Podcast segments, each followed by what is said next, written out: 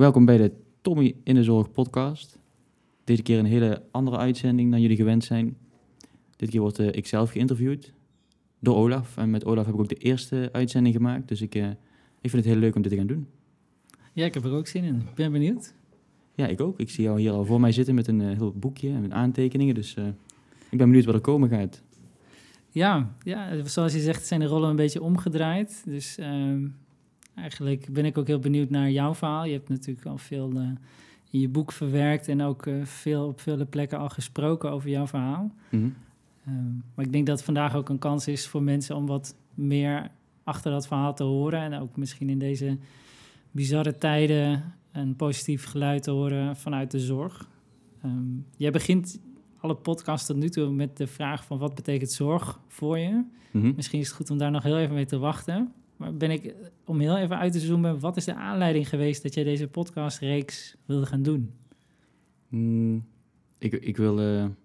Ik luister sowieso zelf heel veel podcasts, zeg maar. Dus dat vind ik al een heel mooi iets, want je kunt altijd op elk moment naar iets luisteren. Uh, radio is natuurlijk iets wat gaat en je kunt natuurlijk terugluisteren, maar ik luister zelf heel veel podcasts, dus ik ben zelf geïnteresseerd in het hele podcast gebeuren.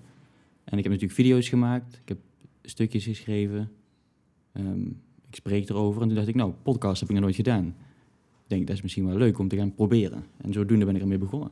En, en ook de zorg heeft nog weinig podcast. Ja. Dus. Ja, want dat had je, we hebben een keer elkaar daar ook over gesproken. Je zei van, uh, toen je het ging opzoeken, verbaasde het je hoe weinig podcasts er eigenlijk zijn ook. En helemaal ouderen gerelateerd, maar ja. zorg überhaupt, uh, dat er eigenlijk weinig bestaan. Ja, wij, ik, ik, ik zag een paar van een verzekeraar volgens mij eentje. En ook wel losse afleveringen, wel ook over de zorg, maar niet echt een hele podcast over de zorg.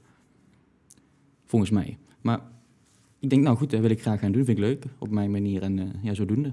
En, en hoe, hoe kom je dan tot de selectie van de mensen bijvoorbeeld die je spreekt? Hmm, ik, uh, ik, ik denk dan gewoon meteen eigenlijk in mijn eigen kring na, zeg maar. Van wie, wie, wie zou dat leuk vinden? Moeten mensen moeten het ook leuk vinden natuurlijk, hè.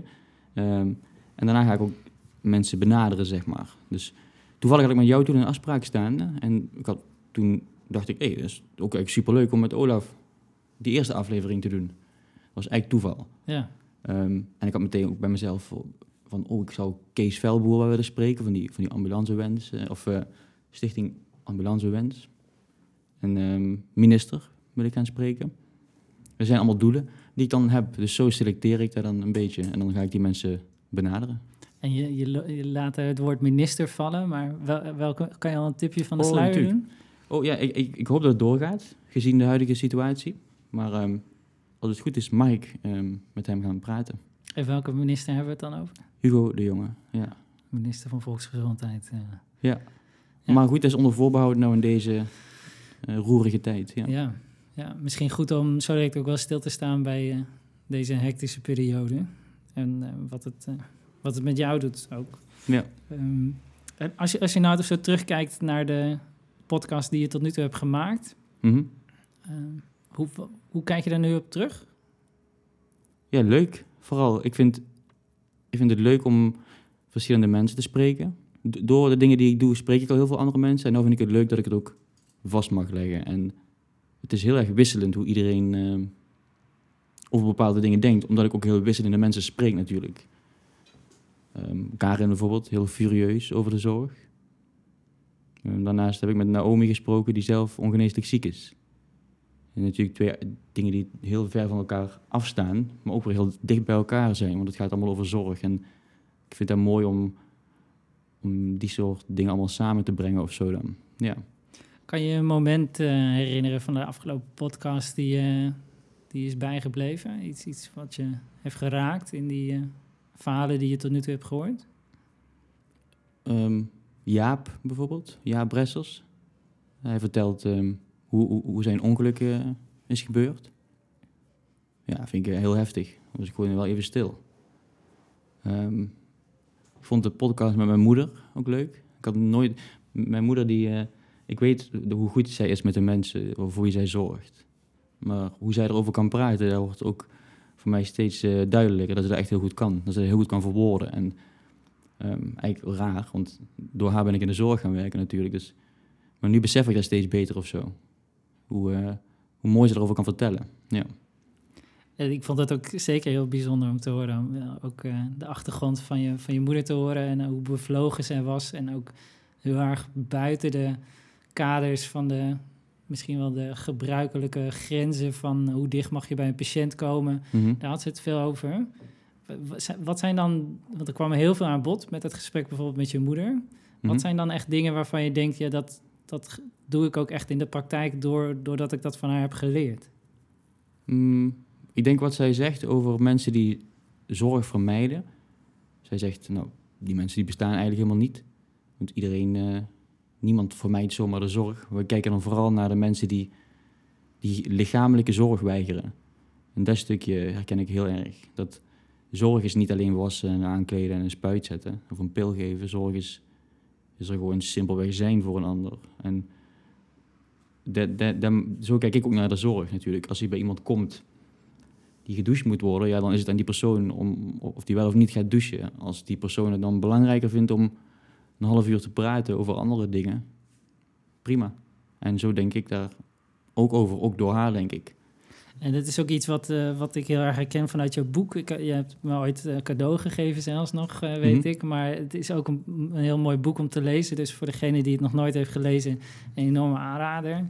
Eh, maar daarin komt ook heel veel naar voren over dit soort voorbeelden wat je zegt. Hè? Eh, ehm, van eigenlijk dat je toch ook wel tijdens de opleiding volgens mij toch best wel een, een andere kijk had op de zorg. Ehm, dat je daar ook wel eens tegenaan liep met mentoren of met leraren. Dat je dan toch soms andere dingen wel belangrijk vond. Hoe, Ja. hoe heb je dat eigenlijk, eh, hoe, is dan die studie voor jou geweest? Ja, soms heel. ehm, soms vond ik dingen heel apart, hoe dingen gingen. Ik herinner mij nog dat ik eh, een verkering had gehad met een meisje en dat ik eh, dat er uit was gegaan. En ik praatte altijd wel heel erg open met die cliënten. Over van alles en nog wat. Ik had ook verteld dat het uit was met dat meisje. Tegen een oudere dame. Want die vrouw vertelde ook alles tegen mij. Ja. Hè, Niet dat we beste vrienden waren of zo. En, maar gewoon, gewoon openheid, vind ik belangrijk. En dan kreeg ik commentaar op dat ik, daar, dat ik wel te open was geweest. Niet zo persoonlijk moet zijn. Ja, En dacht ik, ja, vond ik toen heel naar, want ik was een leerling. Toen twijfelde ik aan mijzelf en dacht ik, ben ik dan ook echt te open geweest? Mag ik dit soort dingen niet doen? Maar het voelde voor mij niet verkeerd. En die vrouw, die vroeg oprecht naar mij hoe het nou met mij was. En dat ging prima. Dus ik, ik maakte daar meer, voor mijn gevoel, meer connectie mee. Met die oudere dame. En ehm, ja, daar vonden andere mensen iets anders van. En gelukkig vinden ook heel veel mensen dat prima om te doen. Maar als leerling zijn is dat lastig. Dan ben je een beetje kwetsbaar en dan wil je jezelf bewijzen. En als je dan te horen krijgt dat je iets niet goed doet, ja, dan, dan is dat moeilijker of zo. Terwijl je als het als voor jezelf wel goed voelt. Hè? En nu, als ik nu een dergelijke situatie zou hebben, ehm, zal ik hetzelfde doen als dat ik toen deed. Zal ik ook gewoon open zijn over mezelf.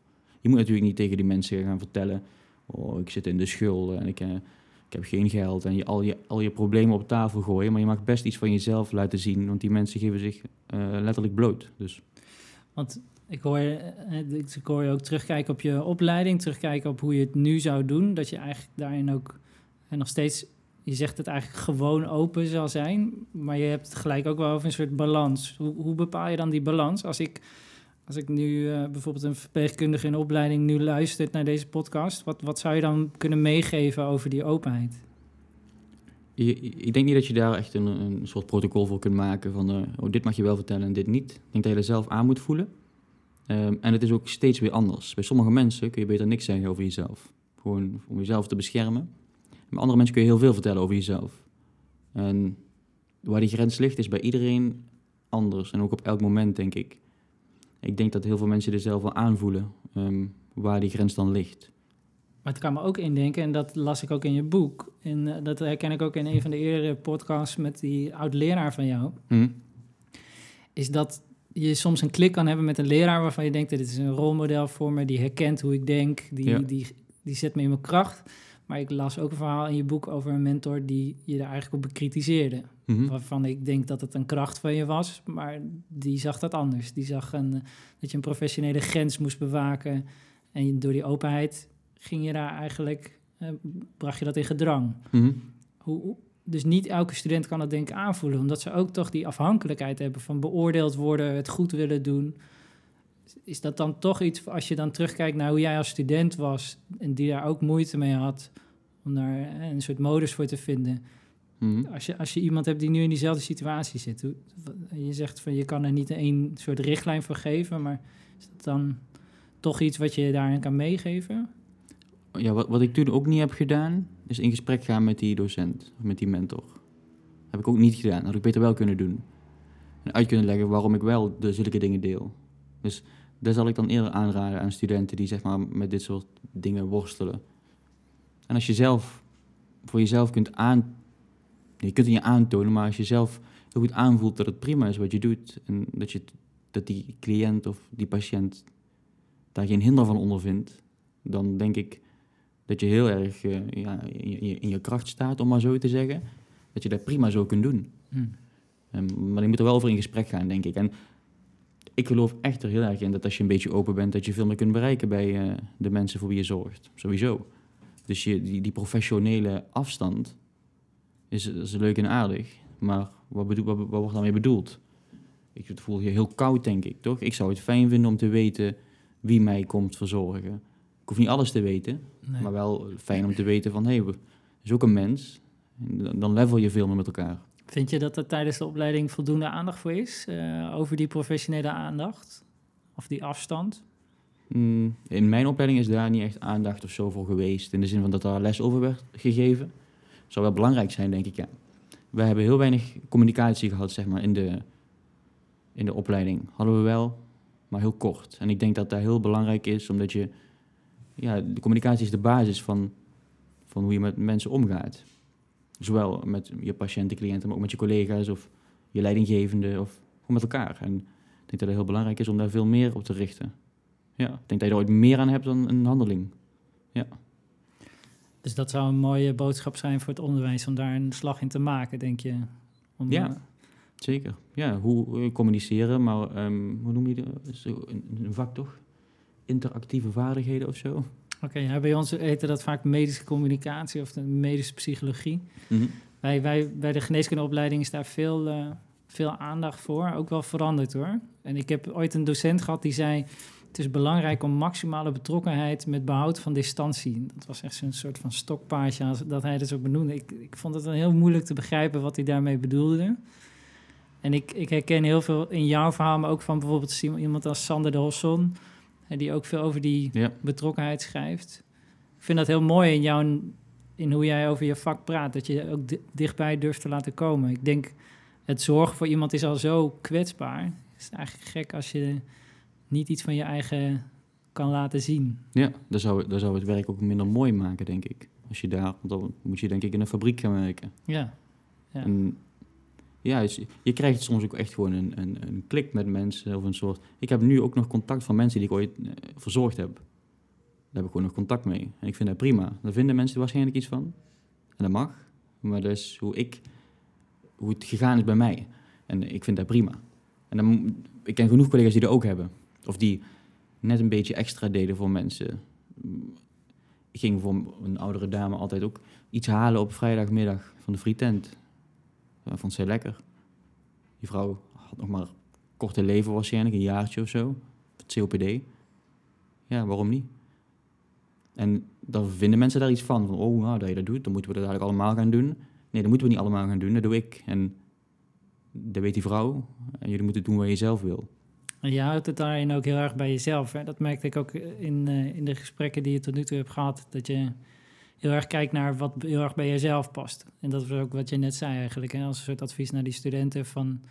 Kijk gewoon heel erg naar jezelf. Er is niet één richtlijn van iedereen moet nu in één keer open zijn. Of, nee, eh, helemaal niet. Nee. nee. Je moet En- doen wat goed voelt, denk ik, voor jezelf. En er is geen, er is geen standaard of zo daarvoor. Ik denk dat je heel dicht bij jezelf moet zijn eh, in, als je in de zorg werkt. Je bent je eigen instrumentje natuurlijk. En als je dan dicht bij jezelf staat, dan weet je ook heel goed hoe je andere mensen kunt helpen, denk ik. Maar ook hoe je hoe je, je werk op een prettige manier uit kunt voeren.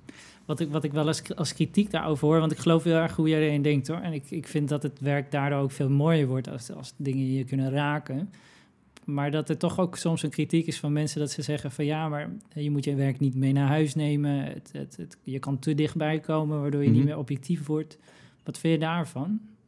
Ik neem mijn werk altijd mee naar huis, sowieso. En daar kan ik niks aan doen. En dat vind ik, ik vind het ook niet erg. Ik neem ook de mooie dingen mee naar huis. Dus ik vind altijd een aparte uitspraak. Je werk mee naar huis nemen. Ja, als je...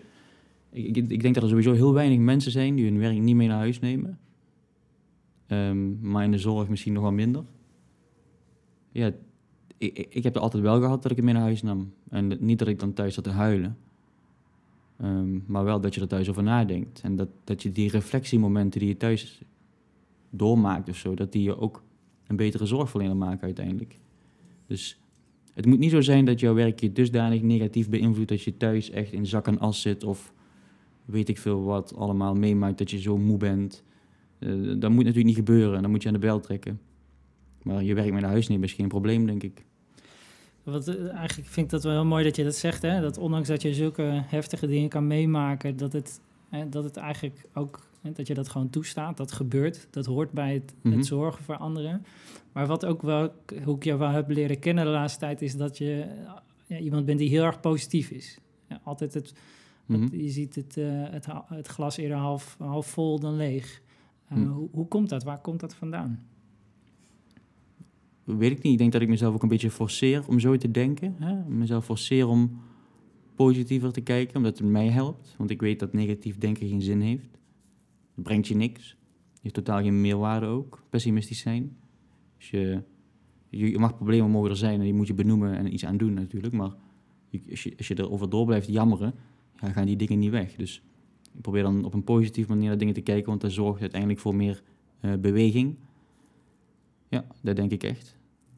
Negatieve dingen voegen niks toe. En positieve dingen ook niet altijd, maar het geeft je in ieder geval een beter gevoel. En eh, nou, dan, als je er een beter gevoel van krijgt, is al heel wat moois, toch? En als we het nou hebben over een, een bruggetje daarin, misschien naar de huidige situatie. En er is Ja. een hele heftige situatie nu natuurlijk voor iedereen Ja. eh, rondom de hele wereld. Eh, specifiek hier in Nederland. En in de zorg zijn er collega's die ongelooflijk veel werk verrichten vanwege de corona-situatie. Ja. Hoe, eh, zie, je- hoe zie je daar de positiviteit in op dit moment? Nou, we moeten denk ik als eerste zeggen dat het niet echt een hele, over het algemeen, ge- eh, geen positief gebeuren is allemaal. Het is natuurlijk super ernstig en verschrikkelijk wat er gebeurt. Maar als je hier ook, ook hierin zie je nou bijvoorbeeld hoe, hoe mensen elkaar helpen. Hoe, hoeveel oud-zorgverleners zich aanmelden om weer te gaan werken in de zorg. Hoeveel bedrijven en hoeveel clubs de zorg eh, aanmoedigen nu, zeg maar. Dat vind ik heel positief. En eh, dat vind ik echt heel mooi. En je hoort nou mensen zeggen van nou, eh, die waardering krijgen we anders ook niet, waarom nou wel?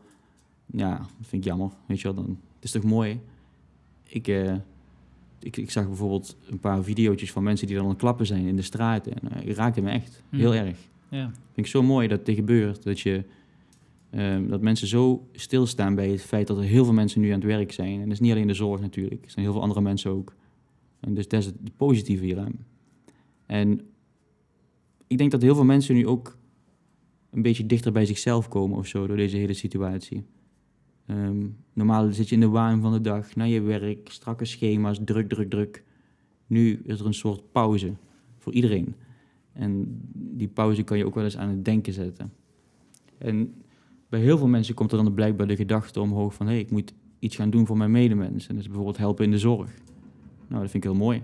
Want zorg is niet iets voor mensen in witte jassen natuurlijk. Het is iets wat we allemaal doen als mens. Ehm dat zit allemaal in ons. En dat zie je nou heel goed terug in deze crisis. Dus dat is de positieve kant eh, aan deze ellende. En, en wat voor effect heeft het op jou persoonlijk? Ja, ik, ik- het, is, het is vervelend. Het is gewoon super vervelend. Ik, eh, mijn vriendin is even ziek geweest. Dus dat vond ik wel een beetje eng. Ik denk, oh jee, nou, begint het hier al. Mijn vriendin is weer beter. Die begint vrijdag weer met werken. Ik eh, donderdag. eh, Die werkt ook in de zorg, hè, jouw vriendin? ja, eh, mijn vriendin werkt ook in de zorg. Ja. Ehm, ik donderdag, als het goed is. Ja, het zijn heftige tijden, maar het is, ehm, het is wel nog te doen of zo. Ja. Ja, gelukkig is er niemand in mijn omgeving nog van directe mensen echt heel erg ziek. Wel collega's die ik dan ken via het werk, die mensen die zich ziek gemeld hebben.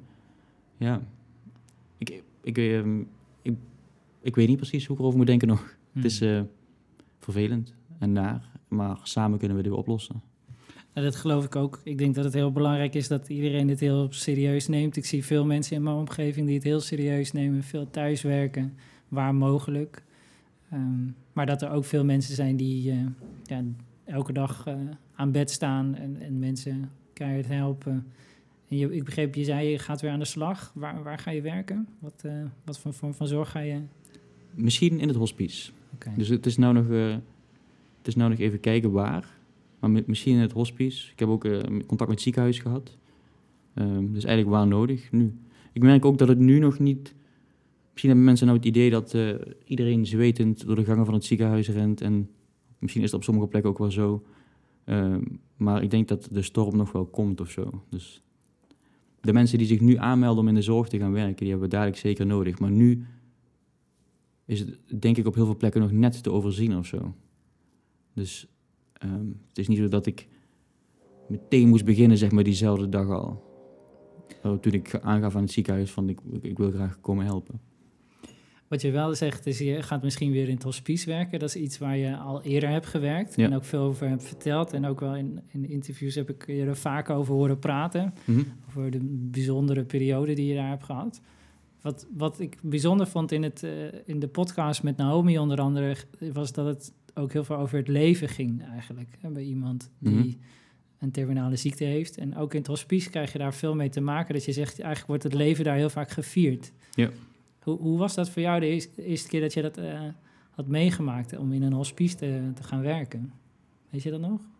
Ik weet nog dat ik net ZZP'er was geworden. En toen uh, werkte ik al in de wijk. En toen kwam dus de aanvraag vanuit het hospice. Toen zei ik, nou, dat wil ik wel doen. Ik dacht, nou, dat laten ze mij toch niet doen. Want ik ben net, zeg maar, gediplomeerd. En uh, ja, maar dat mocht. Ik mocht op gesprek komen. En toen in het gesprek werd ik wel een beetje uitgehoord of ik wel beetje capabel daarvoor was. Nou, ik kreeg de kans om daar te beginnen. En um, ik, ik, ik, had niet, niet gedacht dat het zo zou zijn zoals ik van tevoren dacht. Gewoon, ik, ik wist wel, oh, het is daar niet alleen maar doodgaan en uh, het zal ook wel mooie kanten hebben, maar het is daar echt heel, heel speciaal gewoon. Hoe die mensen daar nog uh, dingen uit hun leven halen. Ik heb, ik heb echt mensen binnen zien komen die echt in zak en as zaten gewoon. Logisch, hè, want je gaat overlijden. Mm die dan in die laatste periode van hun leven nog echt zoveel dingen op hebben gepakt. Uiteindelijk zijn overleden, maar wel met een heel ander gevoel dan dat ze uiteindelijk daar binnenkwamen. En daar geeft mij echt een heel andere een soort relativeringsvermogen meer of zo. Om te kijken naar je eigen leven. En zeker soms super heftige dingen. Sowieso. Maar ook hele mooie dingen die, die, ja, die je niet, niet snel meemaakt of zo. Dus het heeft mij heel veel gegeven. Ja. En ik vind het heel mooi dat ik nog steeds de kans krijg om daar weer aan de slag te gaan. Ja. ja. En, en kon je ook zeggen dat het dat je eigenlijk heeft verbaasd eh, dat het zo'n groot contrast is tussen hoe mensen daar binnenkomen, wetende dat het leven eindigd is. Mhm. Het gesprek wat je met Naomi had, ging ook veel daarover. En over haar enorme positieve ja. uh, inslag in het leven nog.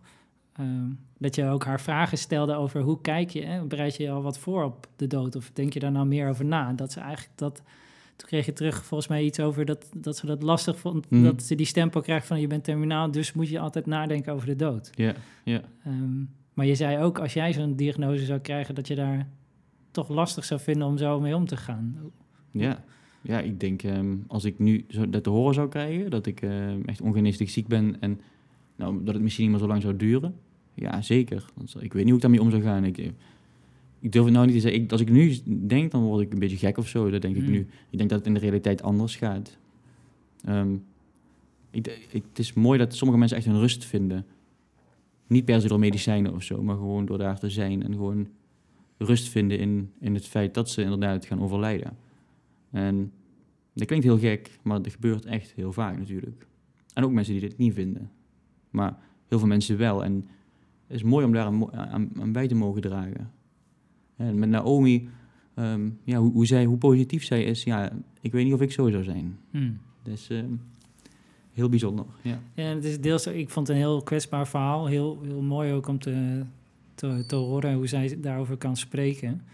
Wat, wat me wel opviel is, jij, jij krijgt met je werk heel vaak te maken met de dood. Ja. Is het dan dat je daar dan ook vaker bij stilstaat? Of dat je meer over nadenkt? Of? Ja, ik denk het wel. Ja. Ik vind het dood sowieso wel een beetje fascinerend of zo. Omdat, ehm, ja, het is een heel apart iets wat voor iedereen vaststaat. Wanneer en hoe weet niemand, maar het gaat gebeuren. En, dus ik vind het wel een beetje fascinerend, maar ook met geboren worden hoor. En, ehm, De twee zekerheden in het leven. ja, precies. Ik, heb dan nou een zoontje van zeven maanden en die eh, ik was bij de geboorte, dus nu heb ik daar ook ooit meegemaakt, zeg maar, dat er een, een kindje geboren wordt. Ja, het zijn allebei even intense dingen of zo. Zo heb ik dat wel ervaren. En Kan je, kan je dat toelichten? Ja, gewoon een. eh, als een, als een. Toen mijn opa overleed bijvoorbeeld, hè, ik heb het nou echt. Als je professioneel iets doet, dan zal het heel anders zijn dan dat je het niet professioneel doet. Maar als ik kijk naar mijn familie bijvoorbeeld, mijn opa, toen, toen die overleed. Ik weet dat moment nog heel goed in het ziekenhuis en dat was heel heftig. En op een gegeven moment eh, ja, gleed hij echt weg. En zat ik naast hem, was hij overleden en was heel gek. Dat gevoel of zo van dit is het of zo, dit is wat het is. Dat had ik ook bij die bevalling een beetje van. Hoe, hoe, ja, het is, het is helemaal heel heftig, maar ook super mooi tegelijk. En bij mijn opa had ik dat ook toen hij overleed. Het was super heftig, maar ik had er wel rust in of zo. En met die geboorte was dat ook zo. Ja, het is heel, ik kan het bijna niet beschrijven, merk ik nu. Hmm. Maar ik, ik, ik zie bepaalde gelijkenissen of zo. Ik voel bepaalde gelijkenissen daarin. Misschien vinden mensen het raar om te horen, maar eh, zo heb ik dat wel ervaren, ja. Ja, maar dat maakt het denk ik ook heel persoonlijk. Ik denk dat iedereen dat... eh, net zoals jij ben ik ook jonge vader, dus ik herken, ik herken zeker wat je bedoelt. We hebben denk ik ook heel vaak allebei met eh, iemand die aan het sterven is te maken Mhm. gehad. Ik vind het ook heel bijzonder hoe iedereen daar eigenlijk altijd over denkt. Ik denk dat in de hospice voor mij wel de eerste keer was dat me- medewerkers, de zorgmedewerkers, heel open erover spraken. Mhm. Dus de ene geloofde heel erg in ehm, bepaalde geesten, of dat eh, die voelde echt als iemand ging. Ja. Eh, anderen benaderden heel, heel klinisch, dat ze echt houvast hielden aan, aan de klinische kennis die ze hadden.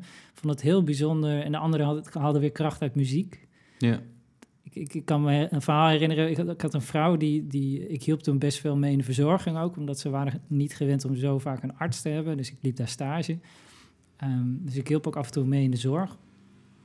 En toen hielp ik een Surinaamse mevrouw en die, eh, die had eh uitgezaaide kanker. En die, die was best wel een beetje somber, een beetje angstig. En die vond het moeilijk om geholpen te worden. Mhm. Maar op een gegeven moment, uit reflex, vroeg ik van... luistert u graag naar muziek? Of ik zag heel veel geloof, eh, tekenen van religie... qua foto's en beeldjes in de kamer staan. En toen zei ze, ja, ik ga normaal naar de evangelische kerk. Ik kom uit Suriname, dus dan zei ik van... vindt u het goed als ik een lieve Hugo opzet? Dat is een, een bekende Surinaamse artiest. En toen zette ik die op, want ik vond ze goed... En dat nummer wat ik afdraaide, toen zei ze, toen begon ze heel hard te huilen. En dat raakte me enorm. Mhm. En ik dacht, wat gebeurt hier nou? En toen zei ze, dat is het nummer wat ik op mijn begrafenis zou willen spelen. Zo. Dus dat kwam keihard binnen. Eh, en toen vervolgens hadden we heel erg een gesprek over het leven. En toen heb ik uiteindelijk een, een evangelische muziek opgezet, wat ze prachtig vond. En ging ze eigenlijk al zingend, gingen we toen de, de zorg eh, samen doen. En dat soort hele pure momenten ben ik eigenlijk op weinig plekken tegengekomen, zoals in het hospice. Ja. Maar dat ik wel dacht van ja, dit is voor mij echt de kern van waarom ik dit vak doe. Om zo dicht bij iemand te kunnen zijn in zo'n moeilijke tijd, maar ze er dan wel bij te kunnen helpen. Ja.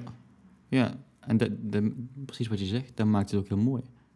Maar mensen hebben al, mensen die nooit in een hospice zijn geweest of er niet echt mee te maken hebben gehad, hebben er altijd een heel ander beeld van. Een, een duister beeld met eh, overlijdende mensen die daar, eh, ja. En dat, dat is jammer, zo. Ja, Want het is natuurlijk niet wat het is. En Ik zeg niet dat iedereen naar een hospice moet gaan om te gaan kijken natuurlijk, maar het is, je, je- ja, je kijkt ervan op of zo. Maar merk je dat ook bijvoorbeeld over het verpleeghuis? Ook een plek waar je veel hebt gewerkt, of in de wijk, zeg maar. De, Mhm. de, de, de beelden die mensen soms hebben over die vorm van zorg, dat dat niet helemaal strookt met de realiteit? Ja, sowieso. Ouderenzorg. Sowieso. Ik had zelf ook zo'n beeld van de zorg, toch? Dat ik dacht, eh, hoe saai, oude mensen stinken, sloom, bah, stinkend verpleeghuis. Dat ik echt die ik allemaal, totdat ik het zelf ging ervaren. En dan, dan- zie je natuurlijk hoe het echt is. En ja, ik denk dat het heel belangrijk is dat veel meer mensen een ander beeld hebben van de zorg. En, want dan kiezen mensen ook wel misschien eerder voor het vak, al- als ze het echt leuk vinden natuurlijk. Hè? Anders moet je het niet doen, want is geen meerwaarde. En, en is dat bijvoorbeeld bij de verpleegkundige opleiding die je hebt gedaan, is, is, dat dan, is daar dan voldoende aandacht voor? Voor een, een, een reëel beeld van. eh, want je Ja. loopt naar stages natuurlijk, maar. Ik, ik heb mijn opleiding gedaan bij een, een grotere zorgorganisatie die echt vooral ook gericht was op wijkzorg, verpleeghuiszorg. Dus voor mij was het niet anders. Nee. Maar ehm, ik denk dat je nou, nu, nu tegenwoordig is ook een ouderenzorgstage verplicht volgens mij. Ja. Heel goed vind ik dat. Ik weet niet of het ooit niet is geweest, maar dan, dan is dat wel minder goed vind ik. Want ik denk als je in opleiding bent, moet je van alles iets zien. En dan kun je pas ergens over oordelen. Ik heb nooit stage gelopen in de gehandicaptenzorg.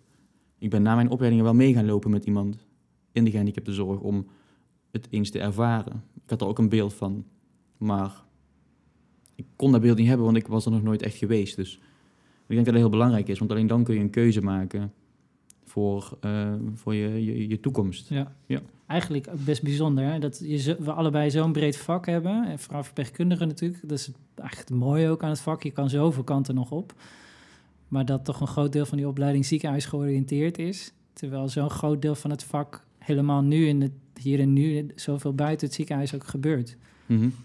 Ehm, en dat als je er geen ervaring op in hebt, inderdaad, dan is je mening gebaseerd op die van anderen. Ja. ja.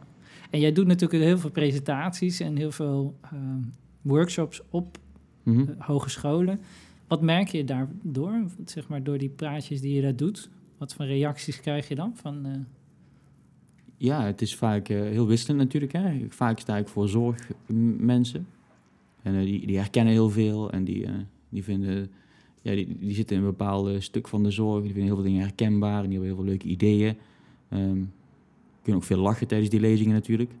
Ehm, maar ik sta ook ooit voor groepen die niets met zorg hebben, zeg maar. Of een beetje eh, ehm, nog jongere mensen, zeg maar, die moeten kiezen voor wat ze uiteindelijk gaan willen worden. Die zijn dan wel sceptischer, maar ook vaak zie je dan heel veel interesse bij die jongere mensen, zeg maar.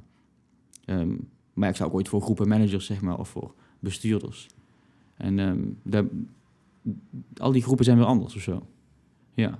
Dus bij die hele jonge mensen die nog eigenlijk niet weten wat ze gaan willen worden later, ga ik het vooral ook daarover hebben. ja, want dat is ook in jouw boek, komt dat naar voren. En je bent best wel een tijd zoekende geweest. Of je kreeg, ik las iets over een, een, een studiekeuzetest die je deed. En daar kwamen dingen zoals defensie en andere dingen uit waar je totaal niet in kon vinden. Techniek, terwijl je niet technisch bent. Ja. Eh, hoe, hoe, hoe is dat dan? Je zegt je staat daar veel bij stil, maar wat voor dingen geef je ze dan mee? Ehm, je bedoelt tijdens zo'n zo'n workshop of zo? Ja, die studenten die zo zoekende zijn juist. Ja, juist dingen proberen, denk ik. En dan vraag ik wel eens aan, aan hele jonge mensen van eh, wie weet er wat zorg is. Gewoon heel simpel. En dan krijg je heel vaak eh, de, de standaard eh, reacties van mensen. En dan ga ik erover vertellen, ook over, de dood bijvoorbeeld. Dat vinden ze vaak heel interessant. Of over werken met oudere mensen. En dan zie je ze vaak denken. En ik, dat wil niet zeggen dat ze dan volgende week in de zorg gaan werken, maar er is een soort zaadje geplant misschien, dat ze ooit wel eens een keer dat gaan proberen. En dat is mooi. Ehm, maar die mensen weten het natuurlijk helemaal niet. Als je 16 jaar bent, weet je niet wat je wil worden. Nee. Tenminste, heel veel mensen weten het niet. Sommige mensen wel. Ik wist het zelf niet. En dat is ook prima dat je het niet weet. Want je hoeft het niet te weten. Sterker nog, ik weet nu, op dit moment, nog steeds niet wat ik later precies wil worden. Hmm. Natuurlijk heb ik keuzes gemaakt, dan kom ik er steeds beter achter wat ik leuk vind in het leven. Ik zal niet meer op de bouw gaan werken, denk ik. Ehm, maar ik weet niet precies wat ik later ga doen en dat vind ik prima. En als je dat niet prima vindt, als je jong bent, is er heel veel druk op je dat je moet kiezen voor later. En dan is er echt heel veel sociale druk van, oh, weet je nog niet wat je wil en moet je niet gaan studeren en je moet geld gaan verdienen en je moet eh, hoge studie hebben. Die druk heb ik nu niet meer of zo. Nu is het prima, vind ik dat prima en ik doe gewoon de dingen die ik die goed voelen. En daar ga ik op af. En ik denk dat dat heel belangrijk is ook voor jonge mensen om dat te doen. En niet te veel, laat jezelf niet te veel leiden door druk van buitenaf om je keuzes te bepalen. En Dus, wat, ja. wat, wat is die omslag daarin geweest dan? Van de student die misschien heel erg zoekende was en dat nog niet oké vond en de sociale druk heel erg voelde tot, tot de Tommy nu, eh, die dat dan ook nog steeds niet helemaal weet, maar het wel accepteert? Ja, stoppen met school, denk ik. Ja. Ik, ik was... Ik, heel eh, goed advies voor Ja, nee, maar echt voor mij was dat het beste. Ja. Ik zeg niet dat je dat moet doen, maar ik, ik hoor wel steeds veel meer jonge mensen zo'n tussenjaar nemen. Vind ik geweldig goed. Vind ik echt heel goed. En bij jou specifiek was het welk moment dat je dan stopte met school? Nou, ik had dus al een paar opleidingen gedaan. ICT, eh, marketing, eh, cultureel werk, een beetje beveiliging. weet niet, misschien nog iets anders tussendoor. Juridisch werk of zo. En ehm, ik was intussen in mezelf gaan wonen. Dus ik had wel bepaalde verplichtingen al. Ik moest de huur betalen voor mijn kamertje. En eh, nou, dat ging prima met, de, met de, die studiefinanciering. Maar toen ik stopte met school, hield dat op. Dus ik wilde weer naar huis toe gaan. En ik vroeg aan mijn moeder. En mijn moeder zei, nee, dat kan niet. Even heel boos geweest op mijn moeder. Want ja, belachelijk hè. Laat je je kind naar buiten staan. Achteraf gezien was dat de mooiste levensles ooit. Dus ik stopte toen met school en ik ging poetsen. Nee, ik ging eerst in een magazijn werken, ook weer gestopt daarmee. En daarna ook nog, uh, weet ik veel, iets anders gedaan. Machines verhuurd of zo, ook weer gestopt. Ik voelde mij best wel gefaald ook, in Mhm. alles. Want uh, zelfs werken hield ik niet vol voor mijn gevoel. Toen ging ik poetsen bij die oude mensen. En dat was een nul-uren contract. Dus ik had eerst één of twee personen waar ik naartoe mocht. En ik mocht terugkomen, weet je. Dat ging heel goed. En dat was niet omdat ik goed kon poetsen. Dat was gewoon omdat, omdat ik wel met die mensen kon praten. En ik vond het ook heel leuk. Ehm, en ik was dat jaar eigenlijk alleen maar bezig met poetsen. Maar ondertussen was ik ook aan het nadenken, wat wil ik nou? Maar daar stond niet bovenaan. Ik was gewoon aan het poetsen. In het weekend deed ik een beetje feesten met vrienden. En in de tussentijd was ik met die oude mensen aan het praten. En uiteindelijk ben ik daardoor naar de zorg toe gegaan ook. Ehm, niet zozeer door die oude mensen of door het advies van mijn moeder. Ze heeft een hele grote rol gespeeld, maar ook door bepaalde rust of zo. Dat je niet iets moet kiezen. Die combinatie, denk ik, heeft ervoor gezorgd dat ik naar de zorg ben gegaan. Ja. Ja. Klinkt het logisch of niet? Nee, Nou, ik, niet. ik, vind, ik weet niet of ik denk dat het niet per se nodig is om logica erin te vinden. Ik denk dat het jouw verhaal is. Het is wel denk ik heel boeiend om, omdat het denk ik ook wel heel erg weergeeft hoe moeilijk het is om op 16-jarige leeftijd of 18-jarige leeftijd soms zo'n Ja. grote keuze al te maken die bepalend is voor de rest van je leven. Ik, ik zie bij mijn broertje, die is, die is nou 19 jaar. Slimme jongen. eh, deed eerst VWO+. Plus. Ehm, ja, de school vindt hij gewoon niet zo leuk. Ehm, maar kan het wel. Het gaat prima, als hij, maar hij vindt het gewoon niet leuk en hij weet het gewoon niet. Ja, het is heel moeilijk. Heel moeilijk om dan toch iets te gaan vinden. Ehm, als er toch heel veel druk is van buitenaf. Van, oh, je moet. En wat ga je doen? Verjaardagsfeestje, wat ga je doen? Ja, dat is een constante vraag die, Ja. je, die je krijgt. Ja. Alsof je, Ja. het antwoord, ik weet het nog niet. de- Hmm. Het is een raar antwoord Het natuurlijk. is al bijna een soort falen. Eigenlijk. ja. Ik krijg het ook veel. Ik geef, ik geef les op de universiteit aan geneeskundestudenten. En Hebben die dat ook? Die hebben dat heel erg. En die maken elkaar ook eigenlijk er soms helemaal gek mee, merk ik. Dat ze zo elkaar eh, opfokken qua druk. Mhm. Dus dan eh, hoorde ik studenten met elkaar praten over... eh, ik geef dan veel les in het laatste stukje, net voordat ze dokter worden. Mhm. Ja, die, die, die beginnen nu zelfs op middelbare schoolleeftijd eigenlijk al hun cv zo op te pimpen, als het ware. Zo, zo op te bouwen dat het zo optimaal mogelijk is om de kans dat je chirurg of een ander soort specialist zou willen worden zo optimaal mogelijk maakt. Ja, ik denk dat dat op zo'n jonge leeftijd al zo'n druk geeft, Ja. dat het helemaal niet die ruimte geeft wat jij omschrijft om gewoon te ontdekken. Om gewoon te ontdekken wie, wie je bent, wat raakt je, en waar geniet je van. Maar hoe, hoe komt zoiets? Hoe, hoe komt het nou dat je dan al zo daarmee... Het is gewoon een soort prestatie. eh, Ja. eh, ja. Ja, is dat dan ouders of zo? Of is het... ehm, Ja, ik zeg wel eens dat, dat veel studies, denk ik, eh, de, het perfectionisme in mensen heel erg versterkt, denk ik. mhm. Dus dat, eh, dat, ze, ja, dat eigenlijk heel veel dingen in, in de studie allemaal gezien wordt als presteren en alles wat minder is dan dat, of je hebt er geen gedachten bij, dan faal je per definitie. Ja. Dus als jij bij het begin van de studie niet de lat zo hoog mogelijk legt, wat in sommige mensen hun optiek bewijs van huisarts is, wat natuurlijk helemaal niet de realiteit is, Mhm. maar dat wordt dan als minder gezien door sommigen. Eh, Huisarts wordt als minder ja, gezien? ja, minder dan een medisch specialist Ja. van het ziekenhuis. Dat is ook Terwijl, een specialist, toch? ja, Ja. Het, het, het interessante is, wat je eigenlijk ziet, is iedereen in het begin van de studie denkt allemaal, nou, ik wil chirurg worden, gynaecoloog, uh, spoedeisende hulparts, op een helikopter werken, noem maar op, hele spectaculaire dingen. Mhm. En aan het einde van de studie gaat meer dan de helft buiten het ziekenhuis werken. Die worden specialist oudergeneeskunde, huisarts, eh, arts voor verstandelijk gehandicapten. Je ziet ze eigenlijk veel meer eh, buiten het ziekenhuis werken. En, Mhm. en die moeten dus blijkbaar een soort drempel over, een soort levenservaring krijgen om te ervaren dat dat mag. Dat dat oké is. En dat hoor ik bij jou ook zeggen, dat het dus oké is om soms nog niet helemaal zeker te weten wat je wil, maar hier word je op dit moment gelukkig van. Ja. En dat met de kennis van nu zou je dat de studenten die in die fase zitten willen vertellen, maar ze moeten dat ook eerst doorheen gaan. Dus ik zeg ze ook heel vaak, ga maar gewoon naar die, als je klaar bent als dokter, ga werken. Ga ervaren. Ga niet tactisch denken van, ik moet die en die plekken gaan werken, want dan heb ik de grootste kans. Maar ga Mhm. werken waar jij denkt, hier heb ik op dit moment interesse in. En dan vertrouwen op dat het goed komt. Maar dat vinden heel veel studenten eng. Maar want ze, ze, ze mikken natuurlijk allemaal op het, eh, de, het, het, het plekje met de hoogste status. Ja, En, maar dat is in heel de samenleving zo, toch? Eh, en en daar, zit, daar zit al in het hele scholensysteem of zo. Ja, we hoeven het nou niet, niet over te hebben, maar gewoon dat je al gecategoriseerd wordt op...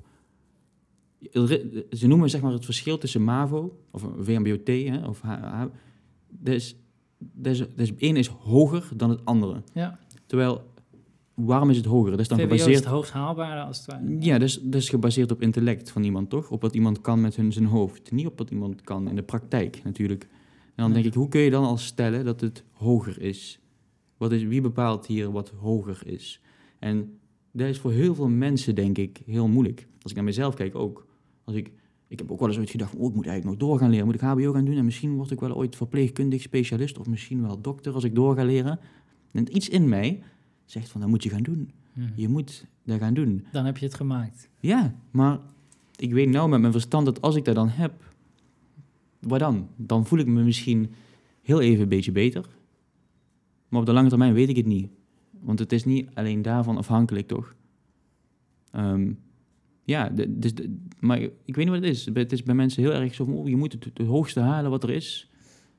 Maar we zijn denk ik in het hier en nu ook heel veel met externe bevestiging bezig. Dus eh, kijk, als je de hoogste resultaten haalt of je hebt een bepaalde status bereikt door op social media veel eh, eh, aandacht te krijgen of ook met je beroep, dan geeft dat een bevestiging direct Mhm. van de buitenwereld. Sowieso. En als je dat niet hebt, dan wordt dat meteen als gezien als een soort falen. Mhm. Terwijl ik denk dat als ik kijk naar collega's die elke dag keihard werken, ehm, die staan niet altijd vol in de schijnwerpers. Nee, Ehm, en ik denk dat die schijnwerpers niet het doel op zich zouden moeten zijn, maar een platform naar iets groters.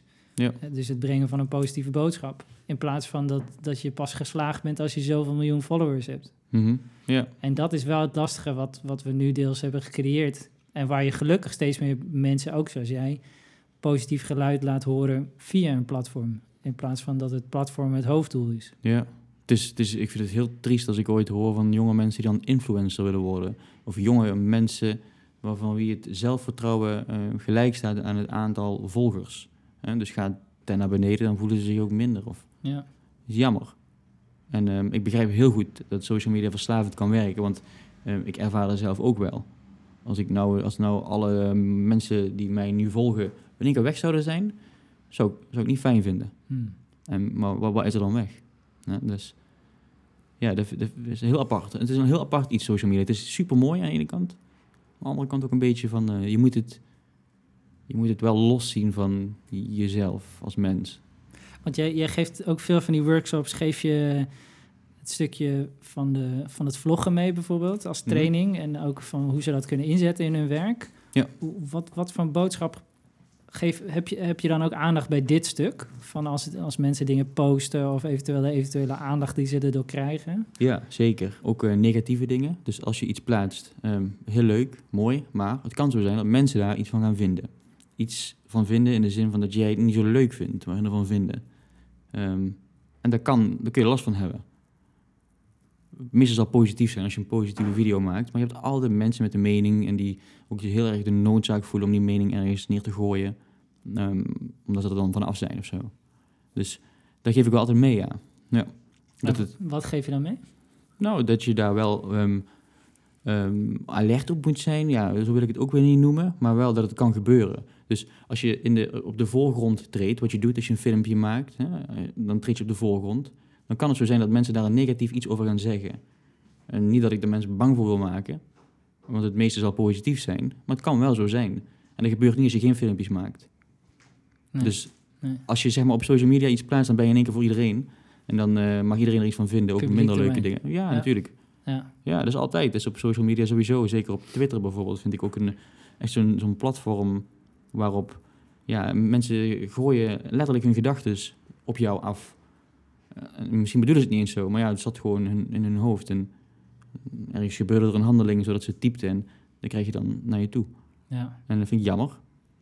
Ik heb er zelf niet meer, zo, niet meer zoveel last van nu, maar in het begin, toen ik dat deed en mensen deden negatief, negatieve comments of zo plaatsen, weet je dan had ik echt zonder honderd mooie dingen.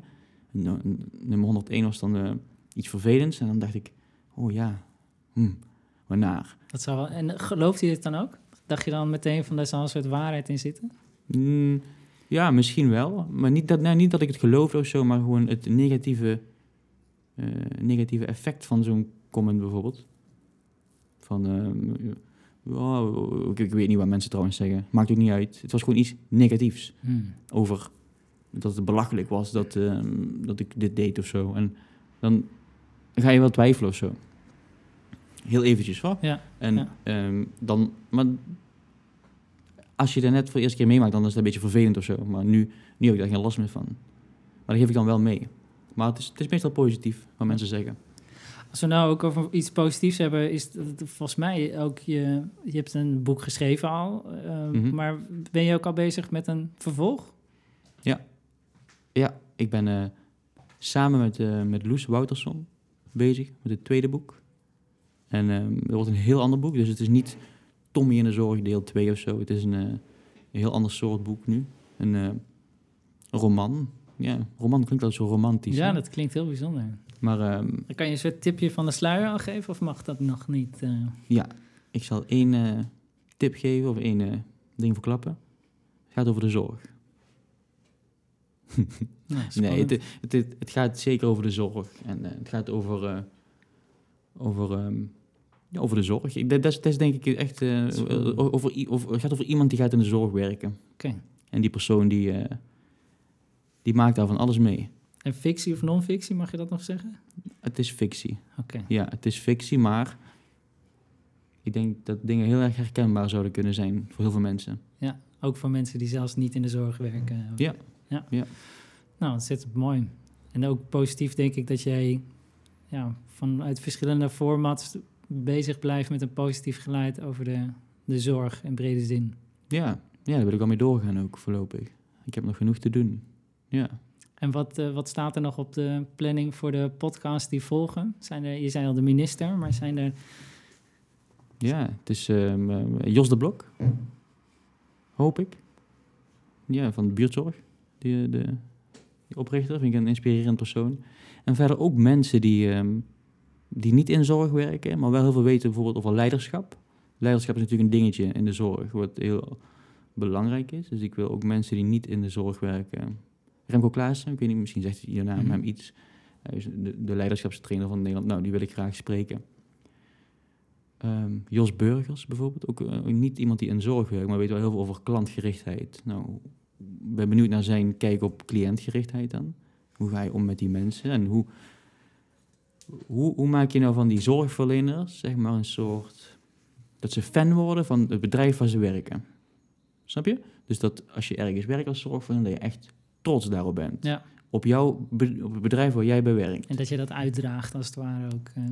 Ja, ja dat, je, maar dat je, dat je echt zoiets hebt van, ik werk daar bij hun en daar ben ik trots op, vind ik Ja. fijn. Hè? Want in de commerciële wereld heb je dan natuurlijk, en dan wil je misschien wel bij eh, Philips werken of zo, of bij een andere coole club of zo, snap je? Weet je wel, een club die ja, zijn ding echt gewoon leuk doet, bij Cool Blue of wel, weet ik veel. Ja. Nou, dat moet voor de zorg ook zo zijn, dat je Ja. trots bent van, ik werk daar en daar ben ik trots op, ja. Dus Ja, dus het is interessant om hun, hun visie daarop eh ja, zeker. Te horen. Ja, ik denk dat we er heel veel van kunnen leren.